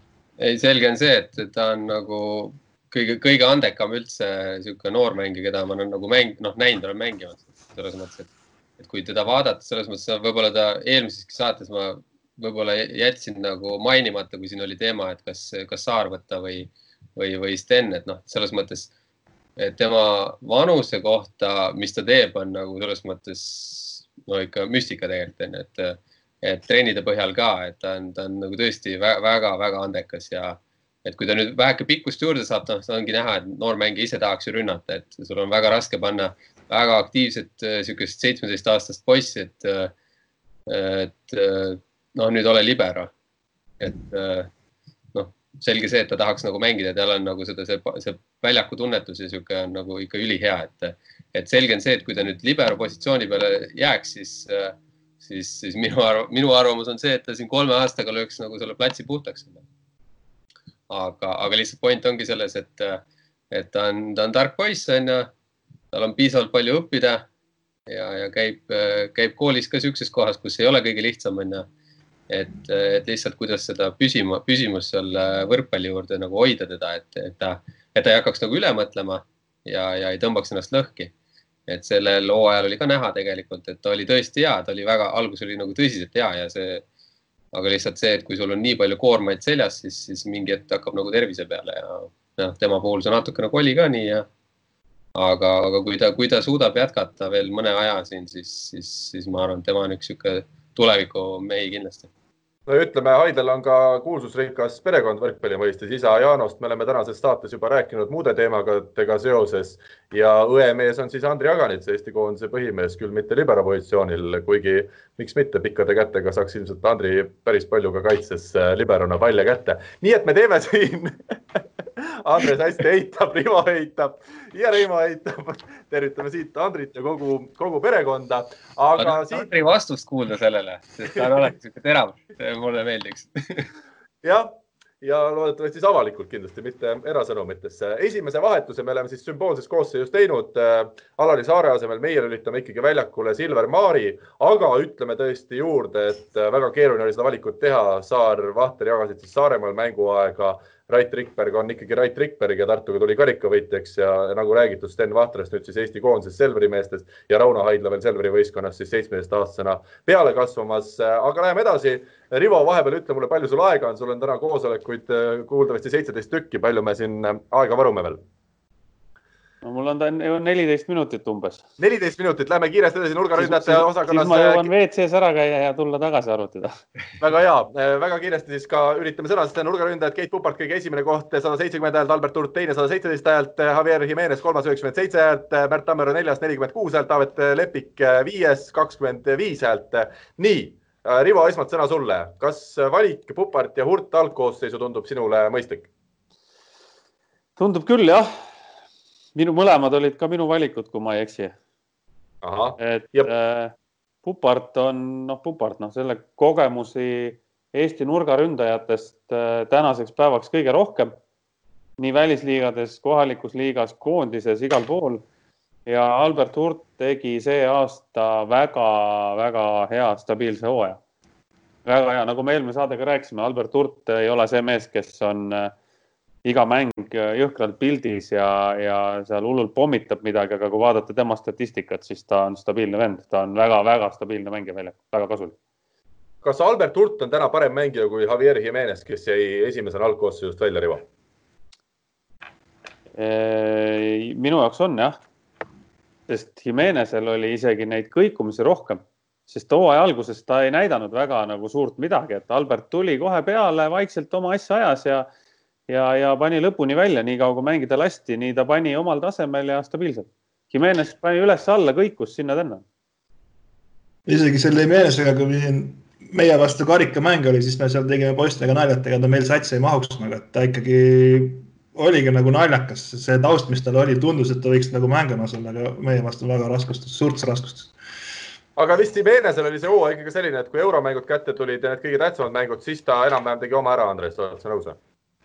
Jah, enam-vähem, et selles mõttes eh, eks nende lõuna, lõuna poolt meestega on probleeme, et, et eks nad mängivad siis, kui on, nad tahavad või, või natuke rohkem vaja on, et, et aga, aga ta oli kindlasti üks nendest lülidest, keda andis eh, Saaremaa poole pealt nagu päris palju kõikuma lüüa, et seal, kui ta, kui ta hakkas ikkagi servi vastuvõtvad, mis, mis oli tema nagu täielik sihuke Achilleuse kand, siis seal natuke rohkem pommitada, siis ta oli ikka noh võis ikka päris korralikult ära kukkuda ja siis hakkas nagu kõik asjad la, nagu lagunema, et ja rünnakul, kui ta nagu tahtis ja, ja ta sai oma need siuksed enam-vähem normaalsed tõsted kätte, siis ta oli nagu hea, onju, aga ja, ja noh, servil võis ka hoida mingi hetk stabiilsust, aga aga mina isiklikult, kui, kui siin need jutud läksid ka lahti, et Kuuba koondise mingi kapten ja nii edasi, nii edasi, et et noh, oleks nagu tunduvalt paremat äh, lootnud ja, ja selles mõttes äh, tema on ikkagi kogenud mängija, et, et äh, mina arvan, et noh, selles mõttes siin ei ole isegi varianti, et kas,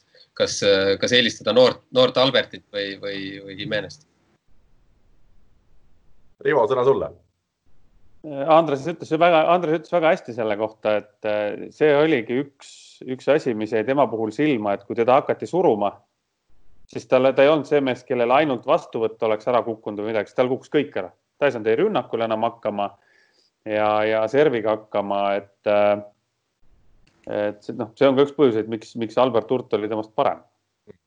ja ma arvan, et ka isegi siin veel mõned mehed võiksid temast ettepoole jõuda, aga, aga jälle tundub, et Saaremaal on, pole väga midagi muud teha kui hääletada. kõik kodus ikka saavad hääletada tublid, kõik on kodus aga ütleme siis Märt Tammearu alustas hooaega Tartu Bigbanki ridades minu arust väga hästi, võib-olla isegi paremini kui Albert Hurt, aga selgelt see hooaja teine pool enam nii edukas ei olnud. Taavet Lepik, mees, kelle võimeid me kõik teame, oli siis selles hääletuses viies kahekümne viie häälega ja mis oli minu jaoks võib-olla kõige suurem üllatus, et Oliver Orav, kes ikkagi Tallinna Selveri meeskonda tänavu ju paljuski vedas, jäi siin viie hulgast üldse välja. Andres, kuidas, kuidas sulle kogu see nurgaründajate tabel tundub? nojah, ma mina kui selles mõttes treeneri positsiooni pealt ka, et ma tõstaks rahulikult sealt, äh, isiklikult tõstaks selle orava siis äh, vähemalt sinna Imenese asemele, et mm, -hmm. et see oleks nagu kindlasti, et. ja et noh, ütleme noh, siis Selveri poole pealt veel, et Karli Allik ka seal vist oli tõenäoliselt sealt kuskil kohe järgmine enam-vähem, et. uues jah. ja et, et siis ta võiks ka ikkagi seal lähemal olla, et et noh, tal oli ka võib-olla mingid ebastabiilsused sees, aga samas mõnel seal väga tähtsal momendil tegi ikka selliseid serviseerijaid ka, et aga noh, see ongi täpselt niimoodi sihuke natukene sihuke, siuksed subjektiivsed äh, need vaated ja eks mina vaatan natukene Selveri poole pealt ka, aga Oliver Orava poole pealt kindlasti, et vahetaks ära Imenesega. Äh, Reimo, lühidalt, Pupart Hurt äh, koosseisus sobib sulle see, see duo? Sobib ja eks, eks pärast Puparit ma arvan, et nad ongi tegelikult suhteliselt võrdsed, need järgmised mehed, kes sealt tulevad, et ega seal ei ole nagu sellist mäekõrgust vahet, et seal peaks keegi olema kindlasti eespool või tagapool, et Pupart oma kogemustega on esimene ja mis sealt edasi tuleb, ongi nii-öelda nagu Andres ütles, et see on väga subjektiivne valik noh. Mm -hmm..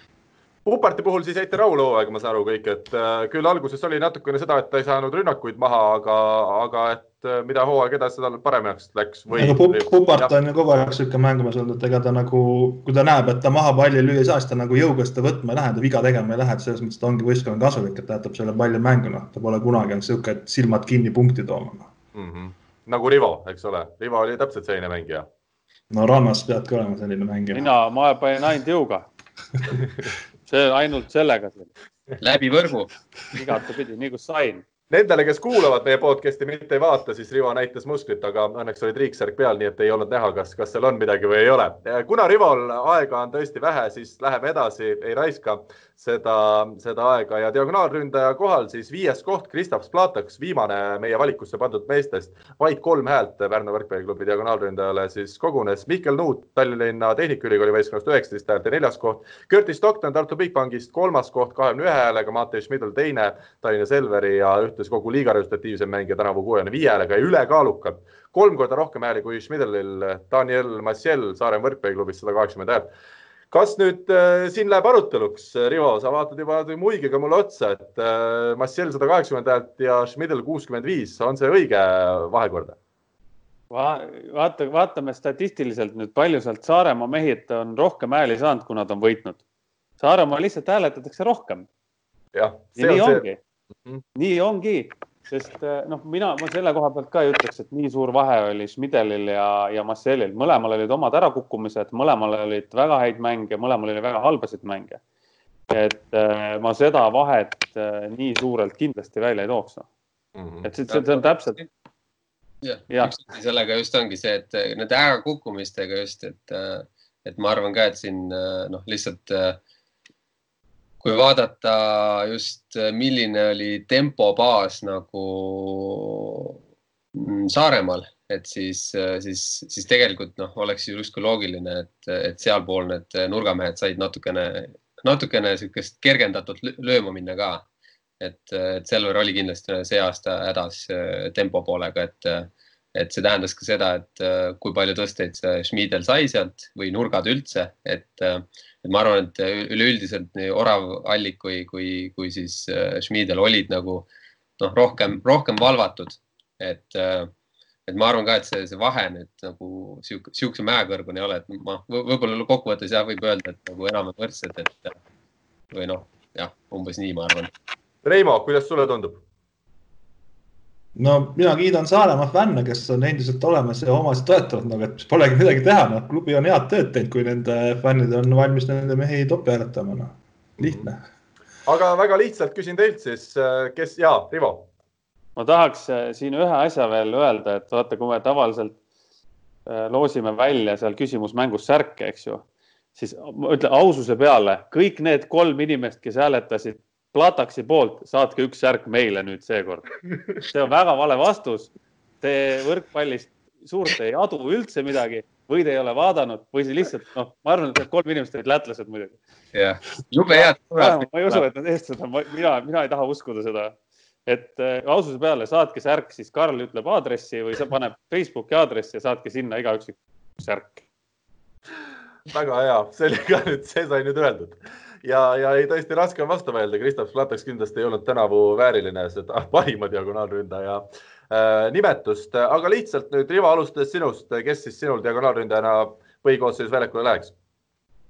ongi on väga raske valik, mina millegipärast äh, täna võtaksin isegi selle koosseisuga, võtaks Mideli äh,. noh, kui sul on äh, ja see on nii raske valik, vaata, vaata kui, kui ma hakkan nüüd mõtlema, lähme nagu hästi süvitsi on ju võrkpalli sisse ja nende kahe mehe isiksusse sisse, siis ma kujutan ette, et, et sellel Brasiilia mehel on väga raske tulla pingi pealt, et tema on niisugune, kes tahaks olla algviisikus, eks. ja Schmidel ilmselt samasugune, Andres kindlasti teab, et ta tundub ka niisugune võitleja tüüp olevat, aga millegipärast ma paneks Schmideli väljakule, et noh, kui on teine samasugune vend võtta pingi pealt, siis, siis saab ju teha alati vahetust ma ei tea, miks, ma ei oska põhjendada seda praegu, aga, aga millegipärast nii tundub. oota, kumb sul jäi siis, Schmidl või? nii, Andres. ma arvan, mul läheks ka Schmidl, et selles mõttes ma võib-olla tean teda natukene paremini ka nüüd ja, ja võib-olla oskaks nagu vähe paremini sellelt inimeselt äh, nagu oodata võistkonna suhtes, et äh, et olles näinud ja Marcelli vastu ise mänginud ja, ja võib-olla see aasta võib-olla ei olnudki nii palju vigu, aga ma olen näinud, noh, kui palju tema ikkagi nagu rünnakud on seotud sellest, mis päev tal on ja, ja, ja mis tõste tal ees on, et siis, siis ta on võimeline väga-väga palju vigu tegema, mis nagu minu sellise mängu noh, niisuguse ideaalvõrkpalliga nagu väga kokku ei lähe, et, ta võtab hästi palju riske ja lööb hästi palju kõvasti ja nii edasi ka onju, aga, aga ta teeb selle juures, ta teeb palju punkte, aga teeb hästi palju vigu. Et äh, mis, mitte et Schmidel ei teeks, aga, aga ma, aga ma tean, mis, mis sellel mehel tuleb öelda, võib-olla, et ta teeks natuke vähem. Reimo, esiliiga asjatundja hinnang.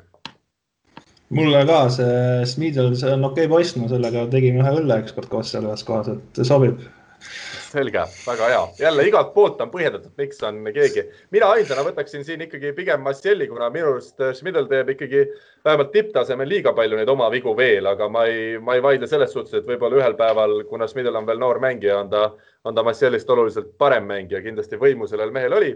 aga kolm-üks häältega siis läheb meil valik äh, seekord Schmidli kasuks ja me saame siis väga ikkagi mitmest võistkonnast paistab siin ühe võistkonna kokku, meil on ka Pärnust ja ja, ja Selverist ja lisaks Tartule ja, ja Saaremaale üks mees pundis. Middle läheb meil sümboolsesse koosseisu ja üks koht veel jäänud võtta, see on sidemängija positsioon. Rivo, palju meil aega on?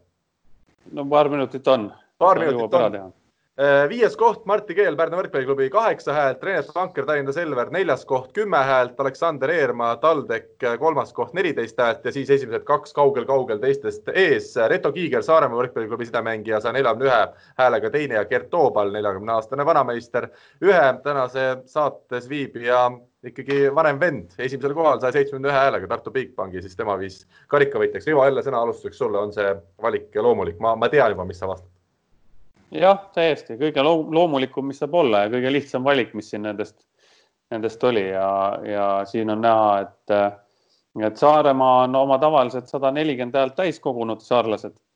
aga siis ülejäänud Eesti on nüüd seekord õnneks Kerti toetanud, et äh, ei ole midagi öelda, noh, Gerdi tase täna on, on, on ikka teine, et ja ta on selle hooajaga seda ka taaskord tõestanud, et Reto Kriiger tegi hea hooaja, aga, aga ka temal olid kin-, teatud mängudes päris kõvad ärakukkumised, nii et Gert esimene, Reto teine on, on kõige loogilisem valik, jah. Andres, suure huviga ootan, kuidas sina võrdled just neid sidemängijaid, kuna sa oled ise samal positsioonil ja siin Selveri abitreenerina ka pidid palju neid videoid vaatama just tänavuse hooaja põhjal, et kuidas sa hindad? ja et, et siin, siin ma jää, jääks selle juurde, et, et, et Gert esimene ja Reto teine, et, et just oligi siin tegelikult hooaja sees ka, et noh, eks Gerdil on ka oma, oma käekiri ja, ja, ja ja, ja seda sai nii-öelda, seda koodi sai siin läbi murtud küll, onju. aga mis nagu vahe tekkiski, oli see, et, et Gert oli võimeline, kui me isegi siin kaks-null läksime Tartu vastu juhtima, siis ta oli lihtsalt võimeline kogu selle, selle asja hoopis pea peale keerama ja noh, meie kui noored mängijad ei suutnud sellega enam kaasa minna ja oligi kolm-kaks kaotust lõpuks onju.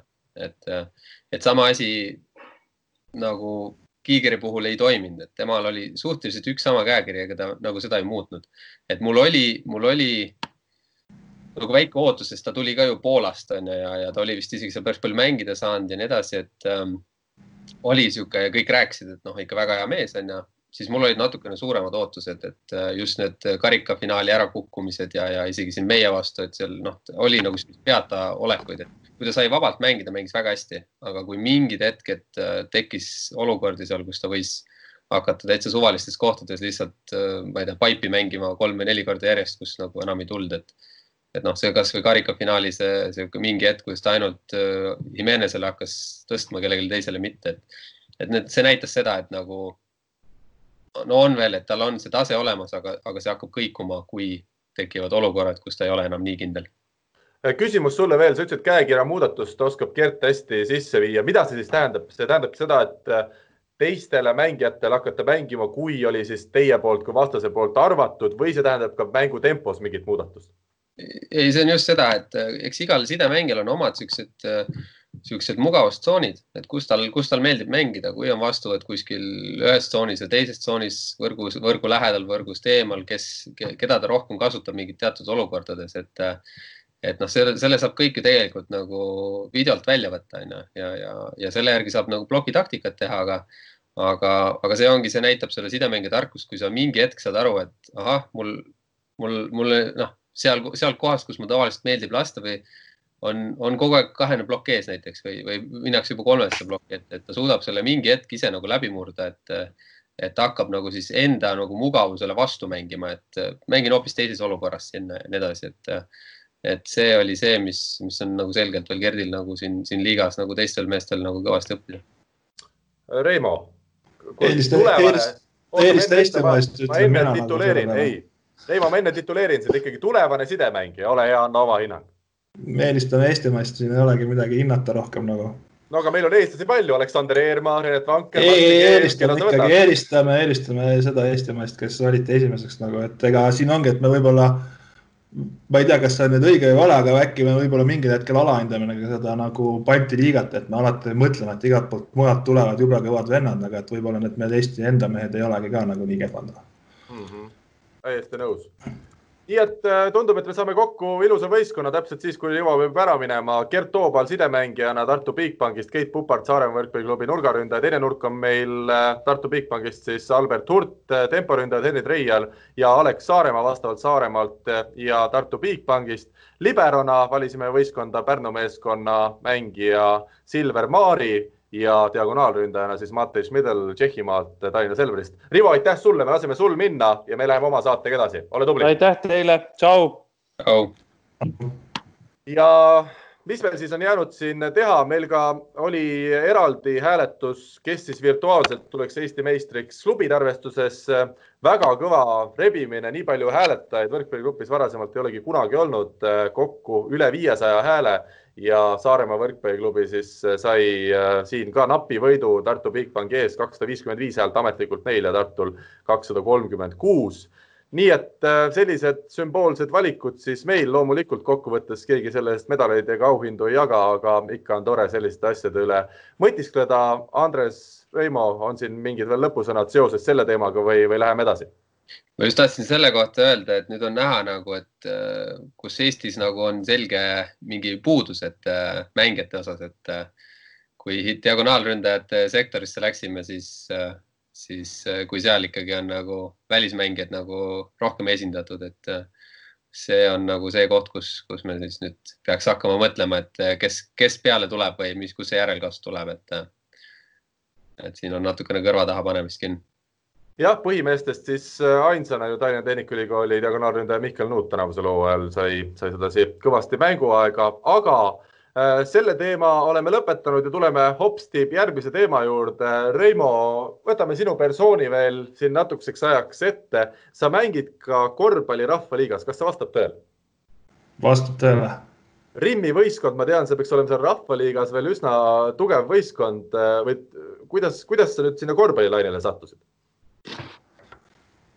Eks ma, ma ikkagi, see on seesama jälle, et ega sa ühte asja nagu pikalt tehes soovid vaheldust ja korvpall mängule meeldib ja hakkasin käima mingid aastad tagasi lihtsalt reedeti mingi sõpruskonnaga kolmekümne teises keskkoolis õhtuti mängimas ja siis sealt kutsuti, et nüüd ma teist aastat seal mängin nendega seda rahvaliigat, noh.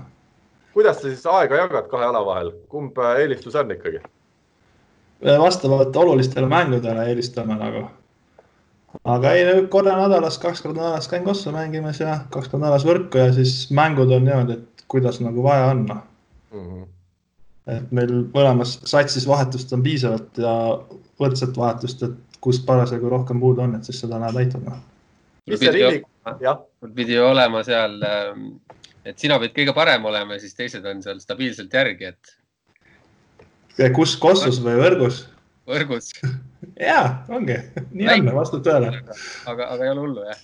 ei ole, ei ole, saavad hakkama ka ilma minuta. aga kuidas sulle korvpalli üleüldiselt meeldib see Rahvaliiga värk ja, ja sihukeses võistkonnas mängimine? tore on, ikkagi nagu suur vaheldus ja noh, ütleme nii, et alad on ikkagi erinevad, et esimesed aastad olid nagu raske, kui sa oled harjunud seda tüdrukute ala mängima, kus kontakte ei ole, siis korvpallis seal alguses tundus, et tehakse kogu aeg liiga, aga noh, nüüd oleme sellest üle saanud oled õppinud ise ka liiga tegema? oo oh jaa, oo oh jaa. kas äh, Margus Metstaki puhul räägiti legendaarse korvpalli puhul, et tema ikkagi näpistas päris palju seal korvi all võitluses. kas sina suure mehena ka oled seda stiili rakendanud või sul on omad mingid muud küünannukiga näiteks? Äh, olen ka kuulnud, et tal nagu siin just, mis meil olid munadepühad, et olid tal nagu tihti, eks, aga ise ei rakenda selliseid võtteid. ja siis ma mingid aastad tagasi veel, kui me korvpalli juurde jõudsime, siis ma arvan, mingi viis, kuus, seitse aastat tagasi isegi eh, teise liiga meister olen olnud korvpallis. ohoo nii et. koos, koos meie tänase peaministriga. Jüri. jep.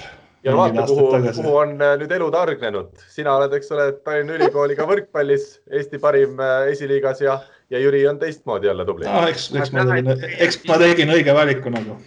mis sa, Andres, ütlesid? ma ütlesin, et no tahaks näha, et Jüri viiskümmend korda nüüd võitnud on midagi tõsi, tõsi. Pigem tuleb seal kaotusi, jah nii, aga korvpallis, kuidas sa iseloomustad ennast, kus sa mängid, mis positsioonil ja mis su tugevused-nõrkused on? ei no eks nad ikkagi korvpallis arvavad, et ma olen nagu tsentri materjal, aga noh, seal ma pean mängima, ega ma ju põrgatada ei oska ka, et panen seal selge ees, lähen korvi poole, keeran paremale-vasakule, saan sisse, ei saa, et sõltub päevast noh. millised sul perimeetrid seal korvpallis siis on, kui pikk ja palju sul kaal on? Äh, no pikkust on mul sada üheksakümmend kaheksa ja kaal on siis sõltuvalt äh, võrkpalli sellest tähtsatest mängudest. et saja viieteistkümnest saja viieni nagu seal vahel. mul on jumalale tänu, ma eelmine aasta mängisin ka mõned mängud seal korvpalli rahvaliigas, jumalale tänu, et ma ei pidanud seal äh, tsentrina siis sind võtma, ma olen sada üheksakümmend ja kilosid ka oluliselt vähem, et, et vedas jälle elus. noh, küll sa jõuad, et proovi uuesti. ei, ma loobusin ma keskendun ei, no... täielikult võrkpallile, siin ei ole küsimust, tuleb ikkagi valida üks ja, ja hea armastus. ei no eks mõnele, mõnele sobivadki tüdrukud alati paremini kui teistele, aga ega siis midagi teha ei ole noh. Nonii, ega ma ei hakkagi ennast õigustama, nii ta on võrkpallisaates, me peame selle olukorraga leppima ja üks asi veel, panustamisega sa tegeled, Reimo, võrkpalliringkondades seda teatakse. mida see tähendab, kui aktiivne tegevus see on ja kas sa võtad seda ikkagi nagu poolenisti tööna või? Mina ikka enda jaoks võtan seda täiskohaga tööna nagu, et see on täna minu sissetulek ja hetkel tööd ei ole. aga noh, muidu on põhi, põhitegevus on nagu rannavõrkpall, et kahju, et nüüd Rivo pidi lahkuma, et seda oleks olnud huvitav temaga arutada, aga võib-olla kunagi tulevikus. aga rannavõrkpall ja kohal hästi palju, et ega siis peamised kohad, kus nagu nii-öelda book'id eksivad, on ikkagi noorte meistrivõistlused nagu Euroopa ja maailma omad nagu kuidas see välja näeb siis või kuidas see käib, see panustamine? Lähed kohale ja istud, võtad päikest ja vaatad mänge ja, ja siis teed seal otsused, eks, aga lihtsalt see on see, et koefitsiendid tehakse mingite eelmiste aastate põhjal ja, ja aastaid jälginuna, siis sa ju saad aru, kas ühel on oksakohad käe peal või ei ole no.. Mm -hmm. et ta niimoodi käib nii et kokkuvõttes võib öelda, et sina ilmselt tead maailma noorte rannavõrkpallist rohkem Eestis kui keegi teine ei, no seda ei julgeks väita nagu, et siin on neid teadjaid mehi veel ja eks Rivo kindlasti teab sealt ka rohkem, lihtsalt see nagu kandubki üle nagu, et kui sa tänaseks ikkagi varsti juba kümme aastat sellega tegelenud ja ja need, kes olid siis noored, on äh, täna täiskasvanud ja sealt ta läheb edasi, et mäletan äh, ka äkki kuus aastat tagasi, kui olid Itaalias olid Euroopa meistrivõistlused, siis Rivo oli ka oma nende vene poistega seal ja sai ka ühe korra üks õhtu, neil polnud vist sparringupartnerit ja sai siis trenni tehtud nende vastu, et mina olin Rivoga ja siis need tulevased maailmameistrid olid vastu, et niikaua kui nad Rivo peale mängisid, nii kaua nagu oligi päris huvitav, aga siis, kui nad hakkasid minu peale mängima, siis, siis sai trenn läbi. sa oleks pidanud ütlema, et, et ei tohi mängida sinu peale, et sa oled temporündaja, et sa ei võta selle vastu. jah, aga nad, nad, meil see keelebarjäär on, ei saanud aru nagu et neil oli see, et ärge tempodele servige, servisid appi. umbes nii. aga ei, see oli huvitav kogemus jah, et see oli niisugune asi, mis jäi meelde nagu aga jah, Rivat ikkagi nagu kohtab seal iga aasta mõningad korrad, et eks me käime ka neid täiskasvanute omasid vaatamas ja ta ongi sihuke mõnus tegevus, noh, et sa lähed kohale, siis nädal aega on see turniir ja ta on nagu tore, noh. Mm -hmm. ja eks siis Eesti omased ka need Eesti esiliigad ja noh, eriti head on need naiste esiliigad, aga noh, need nüüd millegipärast koristati ära, et neid enam ei saa panustada. Aga ühesõnaga asja tuum on see, et sa pead asjaga väga kursis olema ja, ja see, selle pealt on võimalik siis nagu elada? nojah, ja ikkagi kohal on vaja käia, et see, kui sa õnt, õnte pealt ennustada ei ole nagu mõtet, et pead ikkagi pühenduma jah, ja noh, täna sa saad selle info kätte kõik, et esiliiga on ju eriti niisugune koht, kus sul mõne mängija puudumine võib anda nii suure põntsu, et ongi hoopis teine võistkond mm. -hmm. selge, aga väga hea, tuleme siin veel saate lõpetuseks küsimusmängu juurde, aga enne teeme ära ühe väga kiire kõlli küsimusmängu toetaja on teamshield.com oma disainiga spordi ja vaba aja riided eelmisel nädalal sai siis küsitud kõigilt äh, austatud kuulajatelt, et mitu võitu sai äh, Aga Volley eesotsas peatreener Oliver Lüütsepaga möödunud hooajal Soome kõrgliigas. õige vastus oli kolmteist võitu järjest, selline pikk võiduseeria neil siis välja kujunes. kõik, kes vastasid, ka õiget vastust teadsid. aga enne veel, kui hakkame siin välja loosima, ja ma näen, Reimol on juba näpp püsti. mina ikkagi kolmteist, kolmteist võitu ütleks, et ei ole väga pikk võiduseeria, et see on niisugune noh täiesti tavaline, täiesti tavaline tuletame meelde, saates on külaline, kes on praegu käsil siis viiekümnelise mänguseeriaga, aga eks need vastased muidugi ka, ütleme, ühel on mahlamütsid ja teisel on ikkagi professionaalid. Ja kumb nüüd kumb on, seda saab iga kuulaja juba ise otsustada. aga Aare Alba loomulikult ei jätnud meil vastust võlgu. Ja, ja nimelt saatis ta siis meile väikesega õpetussõna ja ma nüüd loen selle lühidalt ette, see on äh, väga konkreetne asi, Andres, see on minule, sinule ja Rivole mõeldud. Karl, Rivo ja Andres, kuna ma olen teist ikka kõige vanem, ikkagi viiskümmend aastat, siis seoses sellega võiks jagada ka elutarkust. ärge kunagi avaldage naisele või elukaaslasele esimestel aastatel või aastakümnetel oma oskusi, vaid ikka nii aegapidi, tasa ja targu. siis vaatab teine, et ossar raks, milliste kuldsete kätega mees mul ikka on vähe sellest, et ise imetleb, saavad tema sõbrannad ka sellest kohe teada. muidugi kahju nendest äh, teiste naiste siis meestest. see käis selle jutu peale, et Aarel, kuna meil on nüüd kaks erinevat podcast'i, on, äh, on raske leida seda aega, et pikki vastuseid meile kirjutada, et ta teeb palju talutöid ja, ja kodutöid Saaremaal, nii et Andres, võtame need õpetussõnad kuulda vist. no ega ikka peab jah no sina oled juba abielumees ka, sul, sul on väga-väga äh, nii-öelda tähtis, et sellistest asjadest ikkagi kinni pidada. ja Aare ütles, et ta kutsub meid hea meelega Saaremaale, kui ajad lähevad lihtsamaks ja, ja Saaremaale saab jälle, jälle sedasi lihtsalt minna ja, ja kindlasti me ka Aaret külastame, mina vähemalt julgen selle lubaduse anda. meil oli kokku siis kaheksateist õigesti vastanud äh,. Reimo, kuna sina oled meil täna stuudiokülalise rollis, siis ole hea, ütle ühest kaheksateistkümneni üks number. kaheksa kaheksa ja meie mängu on võitnud seekord Eve Lindre, nii et palju õnne Evele õige vastuse eest. võrkpalli kahekümne nelja legendi terelahendusega spordisärk siis sinule läheb ja uue nädala küsimus on meil juba ka ette valmistatud ja see küsimus näeb välja selline.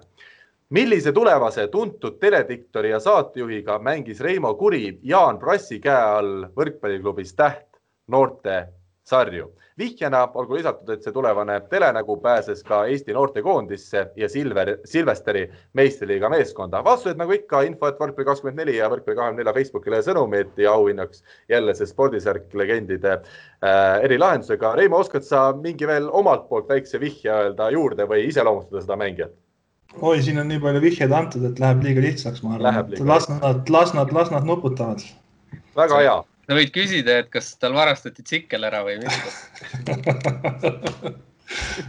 ei küsi seda, las see jääb ei küsi ei küsi. kes ka nüüd, kes ka nüüd ikka veel mõtleb, kellega tegu on, siis, siis see ilmselt jääbki elu lõpuni mõtlema. Andres, ma usun, et sa oled nõus minuga, et täna meil oli üks väga lõbus saade tänu saatekülalise Reimole. no loomulikult, siis kui Reimo on, on pundis, siis on alati lõbus. just nii, nii et peab teinekordki võtma. Reimo, suur aitäh sulle. ma väga loodan, et see Tallinna Ülikooli võiduseeria saab äh, varsti ikkagi läbi, et, äh, et natukene intriigi tuleks ka esiliigasse juurde, aga ma saan aru, et plaanis teil seda ei ole teha. sa ikka tahad nagu jõuda sinna, et ma enam kunagi ei tuleks siia saatesse, jah või siis tule, tulebki, räägid oma ei, siis kui see võiduseeria saab läbi, siis ma olen kodus terve ülejäänud elu. olengi üksi kodus nagu kurvalt ja nagu ma sain aru, siis katsetele võib teie meeskonda tulla, aga, aga iseasi nüüd, kas see just see võistlusvaim ja see, see vibe või kuidas seda tänapäeval peab ütlema, et kas see on sobiv, et te vaatate rohkem selle järgi? ei no ikka mingi sportlik tase peab ka olema nagu. peab ikkagi jah no,? ja, ja, ja. siis ma ei hakka tulemagi, siis ma Reimo ei hakka tulemagi et mul mitte, et mul midagi tantsijate vastu oleks, aga kui sa võrkpallitrennis Kaara Jaani tantsid, siis sa oled vales kohas, noh. aga Veenuses no alguse võiks siis saada sellest, et jookseb selle poole kuuga rohkem äh, kilometraaži, kui sa praegu oled jooksnud või, või kuu lõpuks no, jooksed ja? see oleks jah, see näitaks taset, tahtmist, tahtmist ja taset nagu jah aga, aga ma saan aru, et nädalavahetustel on pikad ja tihedad graafikud, et ikkagi esiliiga mängud pluss siis need õhtused äh, traditsioonid, et, äh, et seal, seal tuleb ikkagi aega varuda nädalavahetuseti, jah? Ei no need õhtused traditsioonid ikkagi pigem on nagu arved tegema nagu noh, pärast mängu ikka käid poistega söömas ja see ongi selle asja mõte, et sa saad kodust välja midagi muud ka teha, et eks paljud ka sellepärast käivad, et sa sotsialiseerida, aga aga ikka tõsised, tõsised õhtud on ikka kaks korda aastas, et siis kui on jõulud ja hooaja lõpetamine, et ega sa seal rohkem neid tõsiseid asju ei tee nagu. selge, aitäh sulle veel kord, Reimo, aitäh ka sulle, Andres ja kõigile kuulajatele, ütleme kohtumiseni juba nädala pärast. Eesti kõige põnevamad podcastid on Delfis, kuula tasku.delfi.ee